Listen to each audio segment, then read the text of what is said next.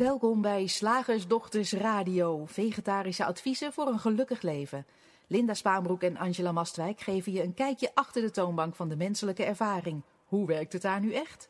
Wij maken gehakt van ingewikkelde concepten en fileren met liefde ook jouw leven. Dat alles onder het motto geluk. Mag het een onsje meer zijn? Welkom luisteraars, vandaag zijn Angela en ik bij je met het onderwerp luchthartigheid. Kan dat wel altijd? He, want luchthartig, lichtvoetig zijn, het lijkt iets te zijn waar we vaak naar verlangen. En uh, ja, waarbij we dan het gevoel hebben dat we de dingen, het leven of onszelf niet zo serieus uh, hoeven of moeten nemen. En, en tegelijkertijd komt dan wel de vraag op of dat wel altijd kan. Want Ja. het is leuk hè, om in sommige situaties, sommige omstandigheden lichtvoetig te zijn, maar kan dat wel altijd? Mag het wel altijd? Zijn er niet gewoon zaken die wel zwaar en serieus zijn? Ja. En eh, daar willen we vandaag heel graag met je naar kijken. Eh, want het is, het is een opmerking die we nog wel eens horen. Hè? Ja. ja, ja, maar ja, als je overal zo makkelijk tegenaan kijkt, Ja, ja. dan, eh, Ja, nou ja, dan, dan ben je onverschillig. ja onverschillig, eh, Of je- je, je, je, je oppervlakkig Je kwetst mensen ermee. zou kunnen. Ja, of eh, dat eh, het is niet passend Hmm. in, dit, eh, in, in deze situatie of bij, deze, bij, bij, bij dit gegeven. Hè? Of, ehm, ja, en ik moet bij dit onderwerp ook denken aan. ehm, kijk, die, die drie principes, het begrip daarvan wordt heel vaak, tenminste in Engelstalige landen al en in Nederland in mindere mate, ingezet. Eh, om mensen te helpen waarvan men denkt dat ze een psychische aandoening hebben. Depressie, angststoornissen, allemaal ongezellige zaken, laten we het zo even zeggen. En ehm, dan kan ik me zo voorstellen dat je denkt, ja nee, maar dat, dat, daar past luchthartigheid of lichtvoetigheid niet in. Hè? Als eerste voorbeeld, dus, dus Ja. eh, geestelijke ziektes. En ehm, wat, wat, wat dan direct in mij opkwam is, een, is een, eh, een best bekende quote van Sidney Banks, de man die eh, die drie principes ooit heeft geformuleerd als eerste. En ik had hem even in ons documentje geschreven. En die, Mhm. die, eh, die quote die luidt, die luidt in het Engels, ik, we gaan hem zo wel even vertalen. Stress and distress is to mental illness as damp and dark is to fungus. It makes it grow. However, love and lightheartedness is to mental illness as sunlight and dry is to fungus. It eradicates it. Gaan we eventjes vrij uit de losse pols vertalen.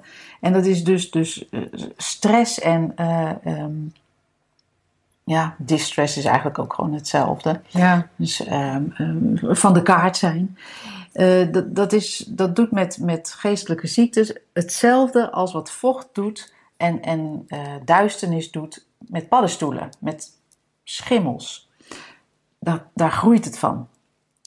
Aan de andere kant, liefde en luchthartigheid, dat doet voor eh, mentale ziektes hetzelfde als zonlicht en droogte voor schimmels. Het, het wist ze uit, het heft ze op, het laat ze sterven, hoe je het ook wil noemen. In het Laat ze geval verdwijnen. Laat ze verdwijnen, ja. ja. En nou kan dit zo klinken als een opdracht. Er komt iemand bij je met een depressie of met eh, angststoornis of anorexia of ehm, nou ja, andere, weet je, het kan zich in allerlei vormen natuurlijk eh, voordoen. En dat kan dan klinken, dit als een opdracht, nou, gewoon een beetje luchthartig doen. Hè? Dan komt het wel goed. Ja, en een beetje liefde. Ja. Nou, dat vind ik altijd een goed idee. Dat, dat, daar zal niemand bezwaar tegen hebben om, om liefde in te zetten als, dat, eh, als het een opdracht is. Maar luchthartigheid, dat, dat klinkt al snel van, nou ja, je, je onderschat het, je bagatelliseert het. Ah, kind, snijden, liever, dat is, niet, dat, is, dat is helemaal niet zo erg, niks aan de hand. En ik kan me voorstellen dat je daar ontzettende weerstand eh, tegen voelt. Het mooie is dat die drie principes ook geen opdrachten inhouden. En dat Sidney Banks hiermee ook niet zegt, dat moet je doen. Hij laat alleen zien hoe het werkt, hoe het systeem werkt. En wij hopen dat ook altijd eh, eh, zo te communiceren. Al wordt het vaak niet zo gehoord, hè, want we zijn zo gewend om een stappenplan of een hoe te krijgen, of, of een toepassing of een, of een een methode dat, Ja, dat we dat maar- vaak niet horen. Nee, maar, maar toch, hè? Ja. Ik, ik zie vandaag ineens een hoe. Vertel. Ik zie vandaag ineens een hoe. Want op het moment dat je. eh, volgens mij zit er een hoe in inzicht krijgen in die drie principes. Ja. Op het moment dat je. Of de, dat inzicht krijgen is de hoe. Ja. Van hoe wordt het leven makkelijker? Hoe wordt het leven luchthartiger? Hoe zorg ik ervoor dat, die, dat dat vocht weggaat bij die vervelende paddenstoelen? Eh, en de paddenstoelen zijn dan alle, alle, alle geestelijke ongemak dat je ervaart. Of dat nou stress is of depressie of angst of ja, gewoon eh, ik zit niet lekker in mijn vel. Ja. Inzicht in de drie principes kan daarbij helpen. En niet als een tool, maar wel in de zin van als je, als je weet hoe de menselijke ervaring nou echt tot stand komt, dan ga je eigenlijk vrijwel automatisch dingen minder serieus nemen. Om een voorbeeld te geven. Als ik ervan uitga dat ik mij alleen goed kan voelen als ik bepaalde, als bepaalde, aan bepaalde voorwaarden voldaan is. En een voorwaarde kan zijn, en voorwaarde die ik heb opgehangen aan het mij goed voelen, eh, kan bijvoorbeeld zijn dat er het juiste voedsel in huis is. Het zouden de juiste leefomstandigheden kunnen zijn. Het zou de juiste baan kunnen zijn. Eh, het zou het juiste huis kunnen zijn. Maar het zou ook heel goed het juiste gevoel of de juiste gedachte kunnen zijn. Als ik nou gedachte X, Y, Z niet meer heb, dan voel ik me goed. Als ik gevoel X, Y, Z niet meer heb, dan kan ik, eh, dan kan ik rustig leven. Als ik nou dat mooie huis heb, dan hoef ik niet meer te stressen over geld. Als ik nou die partner heb, dan hoef ik niet meer bang te zijn dat ik de rest van mijn leven alleen blijf en nooit kinderen zal krijgen. Om maar een dwarsstraat te noemen. Zolang we dat denken, zolang we denken dat daar ons geluk ligt, dat daar het goed voelen van afhangt, dan moeten we eigenlijk altijd heel hard blijven werken Mm. om dat te regelen. En een van de drie principes, een van de dingen, of misschien wel het belangrijkste ding waar die drie principes naar verwijst, is dat een goed gevoel, de, de, de rust of de ruimte of het oké zijn of de liefde, ik weet niet welk woord je daaraan wil geven, maar dat waar we eigenlijk naar, waar we eigenlijk ten diepste naar verlangen, een, een gevoel van het is allemaal oké. Waaronder ik zelf, het is, het is echt oké. Ehm, dat dat gevoel niet afhankelijk is van wat er om ons heen gebeurt, maar dat dat gevoel 100% veroorzaakt wordt door denken in bewustzijn. En denken in bewustzijn, misschien is het leuk om het nog een keer uit te leggen. We doen dat natuurlijk wel vaker in, eh, in deze radioshows, maar soms kan je het ineens weer anders horen of misschien zeggen wij het op een andere manier. Als je gaat herkennen dat je altijd tegen denken aan zit te kijken. Er is, of het nou dromen zijn, s'nachts of overdag, eh, wat je overdag beleeft, je zit altijd tegen denken aan te kijken. Er kan geen gevoel zijn zonder denken. Er kan geen sensatie zijn zonder denken. Er kan geen ervaring zijn zonder denken. Er kan ook geen ervaring zijn zonder bewustzijn. Ehm, maar die drie principes verwijzen ernaar dat er altijd denken is, een voortdurende stroom. En dat ons bewustzijn, onze zintuigen, daar elke keer opnieuw, in elk moment, ja, hoe zullen we het noemen vandaag, als het ware een film bij creëert. Ja, een creatie van, van, van maken. Dus we zitten altijd tegen een film aan te kijken die gemaakt is van, van, van denken en bewustzijn. En als je dat weet, kun je ook gaan herkennen, dan is er de mogelijkheid om te gaan herkennen, oké, dus dat dit, ik kijk nu om mij heen, dat dit huis dus echt niet zo'n leuk huis is, dat heeft te maken met het feit dat er gedachten zijn over wat er anders zou moeten zijn. Dat er misschien gedachten zijn over details. Ah, zie je hier op die muur, daar, dat is niet netjes afgewerkt. Uh, we zitten hier in Angela's huis, dus die moet heel hard lachen. Um, um, ja, wat, wat me ook niet bevalt, is die, die zwarte koude tegels op de grond. Hm. Ik, moet, ik moet dat allemaal eerst bedenken, die gedachten ook geloven. Mm-hmm. En dan, en zodra daarover gedacht wordt en het geloofd wordt, dat Special Effects Department, dat maakt er wel gevoel bij. Hè? Die verzitten, en dan lijkt het ook wel alsof je in een soort uh, stroomversnelling komt van elkaar uh, versterkende gedachten. Ja. Want zwarte tegels zijn altijd heel koud. Ik heb in een vorig huis een keer bruine tegels gehad. Een beetje van ditzelfde, maar dan bruin. Maar ook altijd koud. Je kan er ook geen vloerverwarming meer onder leggen. Want het is al honderd jaar geleden hier neergelegd. Kan je moeilijk eruit halen. Nou weet je, er komt een hele trein aan gedachten. En dat is wat je voelt. Niet die tegels. Want eerlijk gezegd zit ik op dit moment met mijn... eh, Ja. in kleermakers zit op de bank. En die tegels zijn vrij ver bij mij vandaan. En als je wel kou voelt, kan je sokken aantrekken of sloffen aandoen of, of, Ja. of de verwarming hoger zetten. Weet je, er is altijd wel een respons of een Wim Hofje doen en leren gewoon kou volledig te ondergaan, waardoor het geen kou meer is. Eh, waar, ik maar mee wil zeggen, mensen horen vaak als wij uitleggen hoe elke creatie, elke ervaring tot stand komt, eh, waar het uit bestaat. hè, in eerste instantie is dan, oh, ik moet mijn denken veranderen. Nee, dat zeggen we niet. We leggen alleen maar uit hoe het werkt. In tweede instantie is dan vaak van, ja, maar als dat allemaal oké is, dan, ja, dan doe ik dus niks meer. Jawel, want, want dat is leuk. Jij noemde twee principes, hè, denken in bewustzijn. Want het derde principe, mind, zegt eigenlijk, er is een enorme intelligentie die daarachter zit. Of daarin, of daaronder, net hoe je het wil noemen. Of een enorme onbegrensde ruimte die daarachter zit, of erin, of eronder. Net hoe je het wil zeggen. En ehm, dat maakt het gewoon eigenlijk mogelijk om je te realiseren dat je het niet hoeft te doen met wat er is. Eh, dat- het plaatsvindt in een oneindige ruimte waar steeds opnieuw een creatie is. En dat je dus ook een respons hebt op eventueel de ervaring van kou of, of welke ervaring dan ook. Omdat jij ook die intelligentie bent, die mind, hè, het derde principe, wat daarachter zit op een ander niveau zou je kunnen zeggen. En dat maakt het dan ook weer heel praktisch. Ja. En als we dan teruggaan naar het onderwerp. Ja, leuk. Want we zijn natuurlijk een klein beetje ervan afgedreven. Maar Ja. als we teruggaan naar het onderwerp van kan luchthartigheid altijd. Ja. Op het moment dat je gaat herkennen dat je altijd tegen denken aan zit te kijken. Mhm. En dat die levensstroom gewoon die levensstroom is. Die gaat wel. Ja. Daar hoef je eigenlijk niks aan te doen. Dan ontstaat ook de mogelijkheid om te herkennen dat we eigenlijk met z'n allen in een misverstand geloven. Ja joh, Wij geloven namelijk dat wij het leven moeten leiden. man.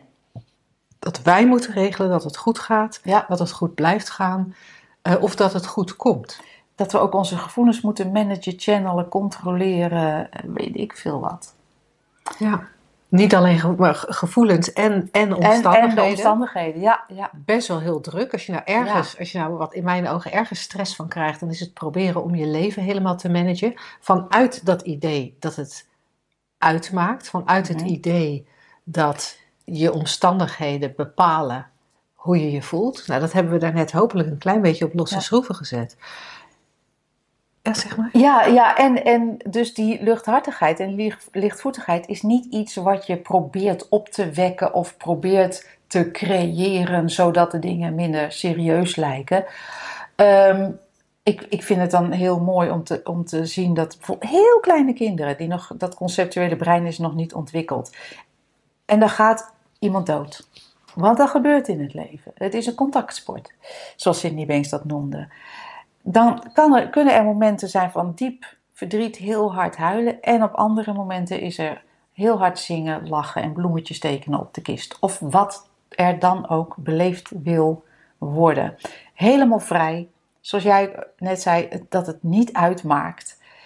En dat verliezen we uit het oog. Als je in dat misverstand stapt, wat Linda net ze, ze uitlegde, dat verliezen we uit het oog. We denken van, oh ja, nee, maar hier kan het wel en daar kan het niet. En dan gaan we dus, dus eigenlijk iets heel kunstmatigs doen, gebaseerd op geloof, ideeën, gedachten, concepten eh, van hoe het hoort en zo. Ja, en als je dan, als je dan denkt dat er momenten zijn waarop je het denken moet controleren of waar, waarin je je gedrag moet controleren.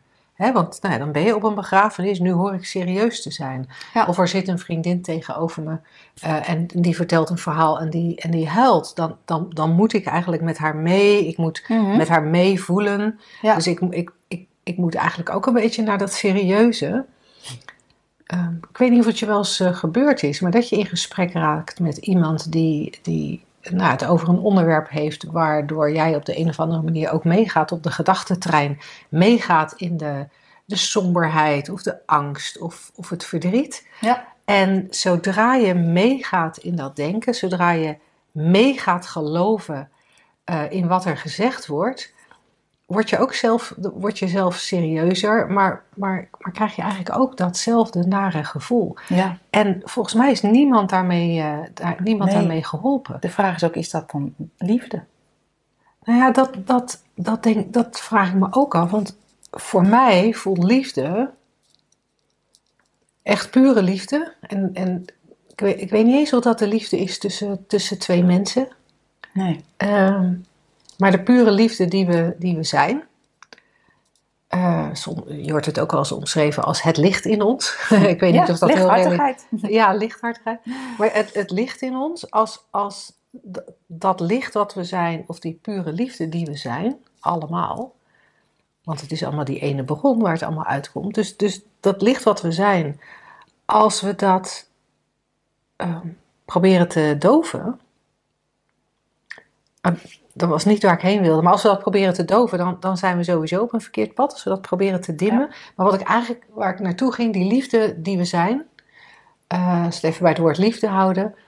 Daar, daar zit iets onpersoonlijks in. Mhm. En, die, en, en dat gevoel, dat gevoel, dat ultieme gevoel waar we eigenlijk altijd allemaal naar op zoek zijn. Dat hele erge oké zijn, die liefde zijn. Daar, daar, dat verenigt zich totaal niet met serieus zijn. Nee. Dat wil niet zeggen dat je gierend van de lach over Nee. straat moet. En ook niet dat het niet mag serieus zijn, maar Maar daar zit, daar, in, in die pure liefde zit lichtheid. En, Ja. en lichtheid. ja. Praktijkvoorbeeldje, mhm. altijd leuk. Ehm, en en de- nogmaals, niet als instructie om te doen, maar gewoon om te kijken hoe het zit. Ehm, nou, iedereen weet wel, ik had ooit, nee, ik heb nog steeds een kind, ik heb, er wel, ik heb er wel twee, maar een van die twee had ooit eh, anorexia. En dat is een leuke eh, ehm, eh, gelegenheid. Nou ja, de meeste mensen zullen het niet een leuke gelegenheid vinden, maar voor mij was het een gelegenheid om te ontdekken hoe het zat, om te kijken, om te blijven kijken. En ergens was er al de realisatie: dit is perfect. Klinkt een beetje raar.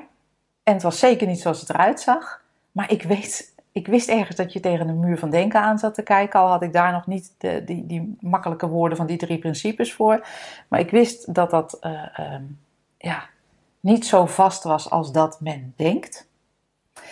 En ehm, dat maakte het mogelijk om steeds opnieuw terug te keren naar van...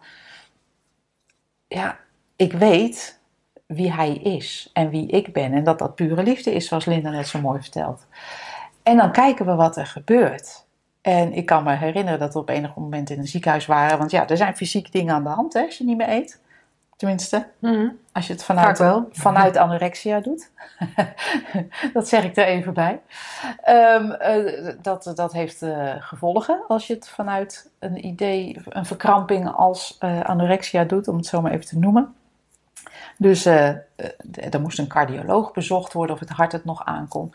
En eh, nou, dat lijfje werd ontbloot. Nou, je schrikt je dood als moeder. God, daar is weinig meer van over. E- Eventjes, hè, zo'n reactie. Maar met dat diepe besef dat het, dat het oké is en dat we in elk moment weer opnieuw kunnen beginnen en opnieuw kunnen kijken en, en zien wat handig is, hè, je impulsen en je responsen volgen. Ehm, nou, was dat even zo een reactie die opkwam en weer wegging. En eh, er moesten plakkers op, dat, op die Mhm. borst en dat ging niet, of heel moeilijk. Dus die verpleegkundige, nou, die, die had al helemaal, haar hoofd stond al helemaal op standje medelijden. Ik weet niet of je dat leert in een verpleegkundige opleiding. Maar eh, dat kind en ik ma- vermaakten ons daar altijd mee hoe mensen erop reageerden. Ja, dat klinkt even raar, maar dat was zoals het zich afspeelde. En zij zei echt met een heel dramatische zucht: Ja, ja ik krijg. Ik, het- sorry hoor, het duurt even wat langer, maar. Ehm, ehm, ja, voor, om die plakkers, om, dat, om, te, om vast te zitten, dan heb je subcutaan onderhuids vet voor nodig. En ja, in mij kwam op om te zeggen: Ja, dat hebben we even niet in voorraad. En dat kind en ik moesten er enorm om lachen. En je zag een soort ook ontstaan van dat het, of eigenlijk dat dat ongebruikelijk was. Maar voor ons was het niet een coping mechanism of niet, maar gewoon logisch. Omdat wij van sick jokes houden, zeiden wij dan. Maar om, omdat het, ja, omdat dat de, was wat ook, een, uh, wat ook mogelijk was. En wat je ziet gebeuren met inzicht. Hè, toen jij uh, uh, vertelde over net over die paddenstoelen, zag ik zo'n kelder voor me, zo'n schimmel, schimmelkelder. En ik denk, inzicht zorgt ervoor dat de ramen open gaan. En dan kan het zonlicht naar binnen. Het zonlicht wat er altijd al was. Dus het is niet iets dat ik die, die kelder inga en daar wel eens eventjes mijn persoonlijke zonlicht zal laten schijnen. Dat is het helemaal niet. Want dan ga je een trucje uithalen en denken ook dat het aan jou is om, om uh, de luchthartigheid en de lichtvoetigheid te bewaren. Nee, wat, wat er gebeurt is dat, dat binnen zo'n, in zo'n zo'n vochtige kelder de ramen open gaan, wagenwijd. En dan kan de lucht van de luchthartigheid en het licht van de lichtvoetigheid naar binnen komen. Want dat, die waren er altijd al. En dat is toch een heel andere insteek. Weet je waar ik graag nog even naar zou willen kijken? En we zijn al een tijdje over dit onderwerp bezig. Maar ik zou toch nog graag even willen kijken naar waarom we zo bang zijn voor luchthartigheid. Ja. want we hebben nu eigenlijk uitgelegd waarom luchthartigheid eigenlijk best wel goed is. Mm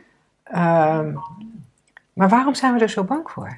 Ja, we zijn gewoon bang om aangezien te worden voor ongevoelig, voor hard, voor afstandelijk, voor niet meelevend, niet compassievol.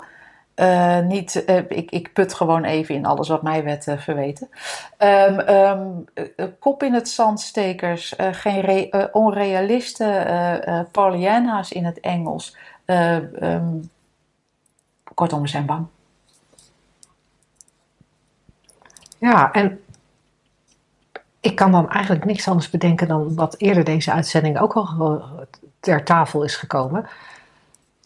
Dat, dat we bang zijn voor luchthartigheid, omdat we denken dat het leven alleen maar, dat het leven geleid moet worden. Dat wij aan het stuur zitten, dat wij het moeten doen. En als oh, we dat niet serieus nemen, dan gaat het echt heel erg fout. Volgens mij is dat een soort ja. onderliggende angst. Ja, dat denk ik ook. Gelukkig is het een misverstand. Gelukkig is het een misverstand. We zouden bijna serieus we gaan, het, we gaan het nu deze uitzending niet doen. Maar die angst, die zouden we natuurlijk ook kunnen uitpluizen. Die zouden we ook op het hakblok kunnen leggen. En constateren, oh wacht even, maar die, die angst, is datzelfde denken? Is, is, is diezelfde ja, Fata Morgana. Keldermuur. uit het... Illusoire keldermuur. Ja. Ja, Fata Morgana is natuurlijk ook een hele mooie. We hadden laatste afgelopen uh, week bij de, bij de shiftdag uh, kwam hologram op tafel. Ja. Dat, dat, wij begrepen dat ABBA binnenkort weer gaat optreden als hologram. Dus dat wij de jonge ABBA-leden gewoon op het toneel kunnen zien, maar dan, dan, dan kijken we naar hologrammen. En dat, deed, dat vonden wij een mooie metafoor voor, voor wat er in het leven eigenlijk gebeurt. We kijken naar van alles en nog wat. En, en eigenlijk zien we een hologram. Een hologram gecreëerd door, door die drie principes. Maar wij nemen het heel serieus. En, en omdat het hologram er zo echt uitziet, denken we, denken we ook dat wij daar iets in moeten, dat wij ermee aan de slag moeten. En, en angst is ook zo'n hologram. Uh, en al die moetens is datzelfde hologram. We zien het wel, maar het is er eigenlijk niet. En als het er eigenlijk niet is, wow, dan ontstaat er wel veel ruimte. Nou, ik kan me voorstellen dat als je ons zo erover hoort praten, dat je denkt, ja, dat is lekker makkelijk. Ja, dat het er niet is. Hallo, hallo, ik heb hier iets verschrikkelijks aan de hand. Dat is er toevallig wel. Nou, we hebben op, uh, op onze website een uh, slagersdochters.nl een gratis starterkit makkelijk leven starter kit. Hmm. Die kun je daar aanvragen en uh, daar zit het een en ander aan verschillende, informatie, uh, verschillende informatiebronnen in om wat meer uh, zicht hierop te krijgen. en we hebben elke maand een shiftdag. En tijdens zo'n shiftdag, en dat is misschien nog wel leuker, tijdens zo'n shiftdag kunnen we echt de diepte met elkaar ingaan. Ja. Um, dan mag je al je bezwaren tegen lichtvoetigheid en luchthartigheid ons voor de voeten gooien. Ja. En dan zullen wij dat ter harte nemen. En komende, komende maand is, uh, is, is de shiftdag, het gaat over het begeleiden van kinderen en jongeren. Eh, de vraag die, waar we zo meteen naartoe gaan, hangt daar eigenlijk ook heel erg mee samen. Dus dat is eigenlijk een mooi voorproefje op eh, die shiftdag. En in november hebben we rust en ruimte. En eh, nou ja, de anderhalve meter regel is er niet meer. Ja, Dus je kunt lekker zitten. lekker bij ons komen zitten. Dus noods op schoot. Desnoods op schoot. Ehm, geen, eh, geen coronapassen nodig, want wij zijn gewoon een particulier kantoorgebouw. Dus daar mag gewoon alles en iedereen in. Ehm, mocht, je daar, mocht je dat leuk vinden, shiftacademy.nl schuine streep eh, ons aanbod. Of gewoon shiftacademy.nl en even in de navigatiebalk kijken bij ons aanbod. En eh, dan gaan we nou even naar die vraag. Ja, leuk. Zeg, slagersdochters, hoe bak ik die vegaburger? Over naar de luisteraarsvraag. De vraag van vandaag eh, sluit, zoals ik net al zei, eigenlijk heel mooi aan bij die eh, shiftdag kinderen en jongeren begeleiden die we eind oktober hebben. Ehm, en hij luidt als volgt. Hij is van iemand die graag anoniem eh, wil blijven. De vragenstelster schrijft: Ik kom maar niet tot rust en bijna ook niet aan werken toe. Met een uitroepteken. Omdat er met mijn drie kinderen van alles aan de hand is. De coronaperiode lijkt hen genekt te hebben. De oudste heeft zich volledig teruggetrokken en zit alleen nog maar op haar kamer te tiktokken. Van de tweede hebben we ontdekt dat zij zich met scheermesjes snijdt en ze heeft echt hulp nodig, maar van wie en hoe, want de wachtlijsten blijken ellenlang. De jongste, mijn zoon, heeft nu gemeld dat hij wel eens denkt aan zelfmoord. Hij wil ook niet meer naar school. En we hebben hem maar even ziek gemeld. Help, wat is jullie eerste advies voor mijn man en mij? Dit, dit is nou zo'n vraag. Ik, ik vind het ook interessant dat die samenvalt met het onderwerp van vandaag. Over luchthartigheid. Dit is zo'n vraag dat als je hem leest, dat je, dat je in eerste instantie denkt, nou oké, Wow, hier, jeetje. dit is echt Ja. serieuze shit. Ja, en wat vervelend, wat vreselijk voor je dat je dit allemaal op je bordje hebt en dat je je zo naar voelt. En dan? Ja, dan is het. Je komt er niet uit als je, als je eh, in eerste instantie als je op al die inhoud ingaat. Hè? Van nou, wat doe je met een dochter die zich terugtrekt? Wat doe je met een, een, een dochter die zich snijdt? Wat doe je met een zoon die, die eh, eh, zelfmoordgedachten heeft en, en niet meer naar school wil? Dan merk je dat, dat. Daar kan je al bijna niet aan. Alleen het Nee. idee al van hoe moet ik dat doen. En wat ik heel mooi vind is, bij, is, is dat je, als je ziet hoe het leven werkt, en ik denk dat we daar best al veel over gezegd hebben in deze, in deze uitzending, dat dat nou, zo'n raam openzet van de kelder. Zo'n ehm, zo'n zo'n zo'n besef indaalt van oké, ik weet het even niet, dat is wel duidelijk. Ja, want- ja, Sorry, maar ongetwijfeld heeft deze vragenstelster en haar man hebben alles al geprobeerd wat ze kunnen verzinnen om te proberen. Dat kan ik mij ook zo voorstellen. Want wat- ja, dat kan ik me ook zo voorstellen. En ik kan me ook voorstellen dat dat eh, nu ehm, dat het ruzies op heeft geleverd. Dat staat allemaal niet in de vraag Nee. hoor. Maar ik kan me voorstellen, hè, als je iemand van zijn kamer wil trekken die alleen maar wil TikTokken, dat dat ruzies oplevert. Dat het wanhoop is. Dat er, dat er ook eh, nou ja, al, al contact is gezocht met, met eh, huisartsen of andere. Of, weet ik En dat je zelf ook denkt, wat, wat doe ik als ouder verkeerd? Dat Ja. ik drie kinderen heb die zo in Ja. de in de zorg shit zitten. zitten. Ligt het aan mij? Nou, dan heb je nog een probleem erbij. Het is echt. eh, hè, je ziet de paddenstoelen uit de grond Ja. schieten. Ja. Ja, toch? Ja, En ehm, dus, je- dus, dus je weet het niet. Daar gaan we even vanuit. En er is, en, en er is wat te doen. Daar gaan we ook maar even vanuit. Want je kop in het zand steken en denken van... oh ja, het is maar een hologram daar op die kamers. En, en dat, eh, hè, die, die bloederige armen zijn maar een Ja. hologram. En eh, nou ja, Ja, wat dat gaat, komt die vraag eigenlijk heel mooi uit met dit onderwerp. Omdat we natuurlijk bij het thema wellicht de indruk hebben gewekt van... ah, nou ja, weet je, bemoei je vooral nergens mee. ja En is precies, precies wat je zegt. Van, Ja. van als, als je ziet dat je kind zich snijdt... of je ziet dat je kind echt vegeteert Ja, achter TikTok... dan, dan ziet Dan- het er heel echt uit. dan ziet het heel echt uit. Maar dan, dan mag je ook gewoon wat doen. Ja, tuurlijk. Ja. Maar wat ik dan ook eh, eh, mooi vind aan, aan eh, inzicht krijgen in de werking van de menselijke ervaring, is dat, dat er een soort, voor mij, en, en ook de verwijzing naar het feit dat we ten diepste oké zijn, daar zit voor mij al een beetje ruimte in. Een beetje van, nou, een stapje achteruit. Wat, wil, wat is hier nodig, is dan de vraag die bij mij bijvoorbeeld op zou kunnen Mhm. komen. Hè? Want hij komt op, blijkbaar. Mhm. Ehm, of ehm, hoe, hoe, hoe kan ik helpen? Of wat wil hier gebeuren? Of zoiets. Hè? Gewoon van die hele ehm, ja, nieuwsgierige vragen. En ik denk ook in gesprek met die kinderen. Want als het er heel echt uitziet nog. Dan, dan, dan, moet, er onmiddellijk iets gebeuren. En dan moet er geknutseld worden aan die kinderen. Voordat je weer oké kan zijn. En voordat die kinderen weer oké kunnen zijn. En met inzicht in de werking van die menselijke ervaring is er de mogelijkheid van die, van die ruimte, van de ramen open, om eens even op je gemakje de, de, de urgentie gaat er wat mij betreft eh, vanaf. Ook al, word je, ook al voel je dat nog, hè? Vragend stelster, geeft niks. Ehm, en is er de mogelijkheid om gewoon per kind, per seconde, per moment, laat ik het zo zeggen, te kijken in openheid, nieuwsgierigheid. Wat gebeurt hier? Wat is hier?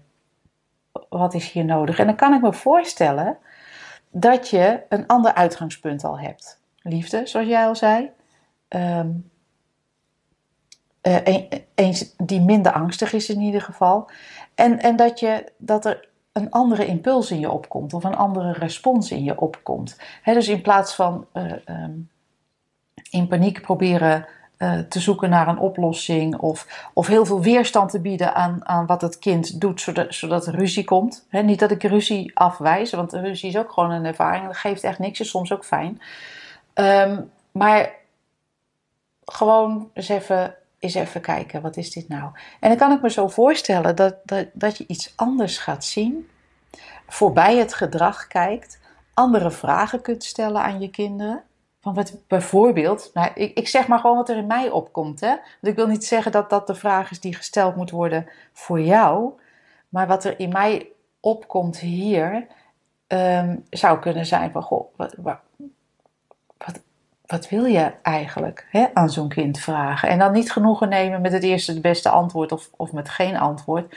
Maar samen nieuwsgierig eh, zijn. Of alleen als er geen antwoord komt of misschien komt het in je op om erbij te gaan zitten. En als dat afgewezen wordt, misschien komt het op om ettensoep te maken, omdat dat toevallig het lievelingsgerecht is. En onder het genot van een kopje ettensoep iets sa- samen eh, te, te kijken. En dat hoeft niet heel zwaar, van oh, waar zit je mee en, en eh, wat is het probleem of wat voel je allemaal. Maar ja, dan komen we toch uit op lichtvoetigheid en luchthartigheid. Van joh, Ja. wat heb je te, wat, wat, wat, wat heb je te vertellen? Kom maar. En er, z- er zit ook een soort openheid in, hè? Van, en geen weerstand. Wat is er? Ik, ik zie ook nog iets heel anders. Mhm. En dat is natuurlijk altijd het leuke dat Ja, wij dit leuk werk samen doen. Ja. Ehm, want, want de vraag die in mij opkomt, ik heb eigenlijk een, een, een, eh, eh, een vraag voor de vraagstelster. Ik zou de vraag, een vraag bij haar terug willen leggen. Want in hoeverre kun je herkennen dat wat je kinderen doen, ehm, dat, dat, dat, dat zij lijden onder het misverstand? Dat, dat het niet oké is, hè? Dat, ze, dat ze lijden onder het misverstand dat ze hun gedachten geloven. Ehm, wat volgens mij doen zij in alle onschuld wat, wat we allemaal doen. Proberen te, te, te dealen met wat er is. Proberen om, om de pijn die er ervaren wordt eh, te verzachten. En, en ja, daar, daar hebben we soms heel onhandige methodes voor. Eh, zelfs al als, eh, als kinderen. Ehm, en ik, ik vraag me af, vraagstelster, of jij, hoe het met jou gesteld is. In de zin van hoe, hoeveel onvrede ervaar jij en, en hoe, hoezeer probeer jij je onvrede ehm, weg te werken. En dan letterlijk met, hè, omdat in je vraag ook staat van ik kom niet aan werken toe. In hoeverre is jouw werk een soort vlucht? Om, om niet te hoeven dealen. In hoeverre is je werk een manier om je goed te voelen? In, Eh, want, want uiteindelijk zijn we altijd allemaal op zoek naar dat goede gevoel. En ik zou me helemaal voor kunnen stellen dat als jij als moeder gaat herkennen dat het goede gevoel altijd in elk moment beschikbaar is, zelfs tegenover een verdrietig kind, ehm, dat het altijd beschikbaar is. Maar het zit voor, het zit voor de woorden eigenlijk. Zodra, zodra er woorden komen, zodra er vorm komt, zodra er taal komt, dan komt er ook automatisch verhaal.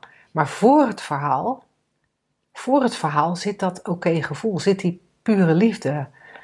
En als je daarnaar zou kunnen kijken, dan verschijn je in elk moment ook anders ten opzichte van je kinderen. Ja. Misschien doe je andere dingen, misschien is het alleen maar een een ander gevoel dat de kinderen van je oppikken, geen idee.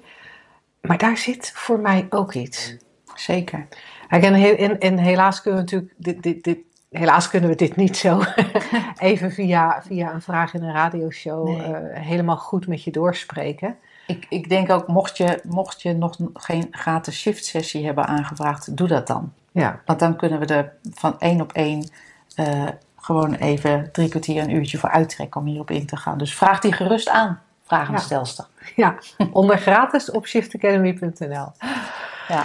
Nou, mocht jij ook een, eh, een vraag hebben waar je antwoord op wil, uh, stuur die dan alsjeblieft naar vragen.slagersdochters.nl. Dan gaan we daar heel graag in een volgende uitzending mee aan de slag.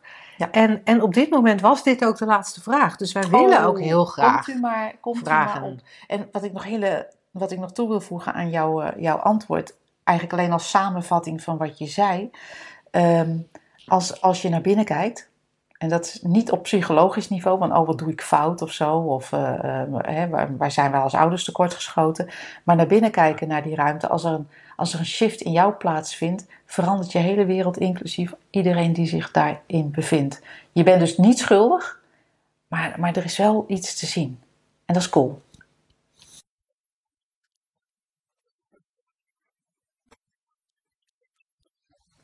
Het concept van vandaag is leven in het hier en nu. Oh ja. En waarom is dat een concept? Geen idee. Want Eckhart Tolle zegt het ook. Ja. Nou dus dan moet het wel waar zijn. Ze geeft het zelfs als opdracht. En, en, en wij, wij zeggen ook wel eens dingen die buitengewoon ernstig klinken als leven in het hier en nu. Zeker weten. Dus Waarom, waarom heb je dit op het hak? Waarom leg je dit op het hakblok, Angela? Ja, nee, hij is van Suzanne. die, dat is een van haar lijstje. Dus uh, die gaan we gewoon ook afwerken. Um, nou, ik kan me zo voorstellen als je uh, ernaar kijkt, dat het eigenlijk al een soort ingewikkeld ding wordt. Dat mensen ook denken, ja, maar waar, waar is het hier? Waar is het nu? En is het is het niet zo dat ik altijd in het hier en nu ben? Want waar zou ik anders zijn? Dan zou je natuurlijk kunnen zeggen: Nou ja, ik zit wel hier en nu op de bank in de keuken. Maar mijn hoofd is ergens anders. Moet ik even gaan denken: waar zou mijn hoofd kunnen zijn? Mijn hoofd zou kunnen zijn bij een zoon in het buitenland. Ik zeg maar wat. Dus, en dan zou je de conclusie kunnen trekken: ik weet niet of die klopt. Je bent niet in het hier en nu. Je bent of bij iets wat eerder gebeurd is. Nou, dat, dat, dat zou kunnen tegelijkertijd denk ik, ja, dat, dat lijf is altijd hier en nu. Dat, waar, waar moet het anders zijn? Dus het wordt eigenlijk een beetje ingewikkeld als we het als opdracht uh, geven of krijgen. Ja, want dan, dan wordt het ook een rare opdracht. Ja. Want ja, sorry, ik kan wel uh, leven in het hier en nu, maar het is toch best handig als ik voor vanavond wat te eten in huis haal. En het is nu nog niet vanavond. Nee. nee, dus mag ik dan niet plannen meer. Of, uh, en dan, dan horen we er ook gelijk allerlei vervolgopdrachten in. En het is nog erger dan die luchthartigheid eigenlijk. Ja. Als ik de hele tijd... Kijk, luchthartig zijn, Allah. Maar de hele tijd in het hier, en nu. Echt, echt. Ik word er zo moe van.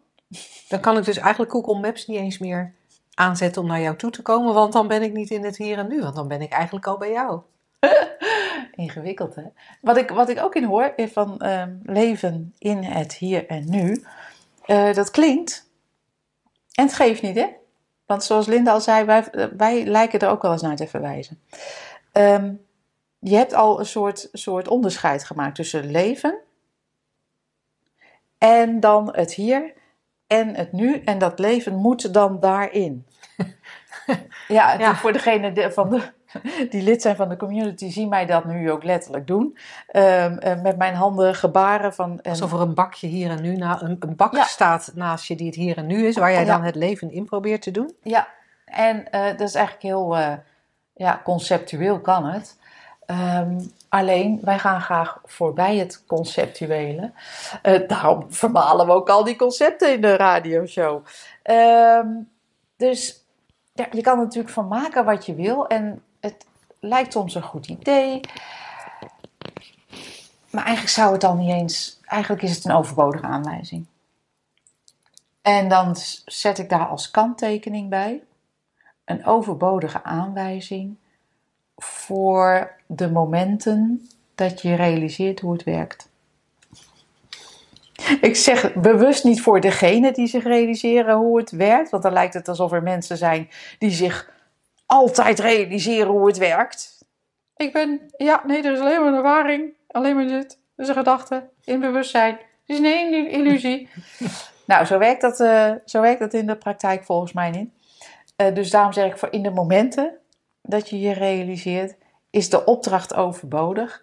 Het, eh, het idee nutteloos, want dan is er niks anders dan dat. Ja, dus zolang je, zo, zo, zodra je enorm bezig bent met leven in het hier en nu, weet je eigenlijk zeker dat er blijkbaar een gedachtentrein of een gedachtenstorm raast, waar je enorm in gelooft, waar je je heel rot door gaat voelen. En dan lijkt leven in het hier en nu ineens de oplossing om voor je rotgevoel af te komen. Ja, En eigenlijk zeggen wij, dat hoeft niet. Dat hoeft niet, want dat rotgevoel is niks anders dan, daar komt hij weer, denken in bewustzijn. Het is niks anders dan die drie principes die aan het werk zijn. Er is leven, er is denken, er is bewustzijn en samen creëren die de ervaring van het rotgevoel. er is een rimpeling op het oppervlakte van een oneindig vlak meer. That's it. En als dat het is, ja, waarom zou ik dan überhaupt nog iets... Waarom zou ik Iets willen veranderen. Ja. Cool. Nou, helemaal vermalen, Suzanne. Ik hoop dat je ervan genoten hebt. Andere mensen ook. En eh, misschien zien we je binnenkort op de Shiftdag Kinderen en Jongeren, 29 oktober. Of op de driedaagse. Er zijn Oh. ongetwijfeld luisteraars die het komend weekend naar de driedaagse komen. Ja, zijn wij Volgens mij ook. is er nog een plekje voor wie dat eh last minute nog wil regelen. En anders misschien tijdens de shiftdag.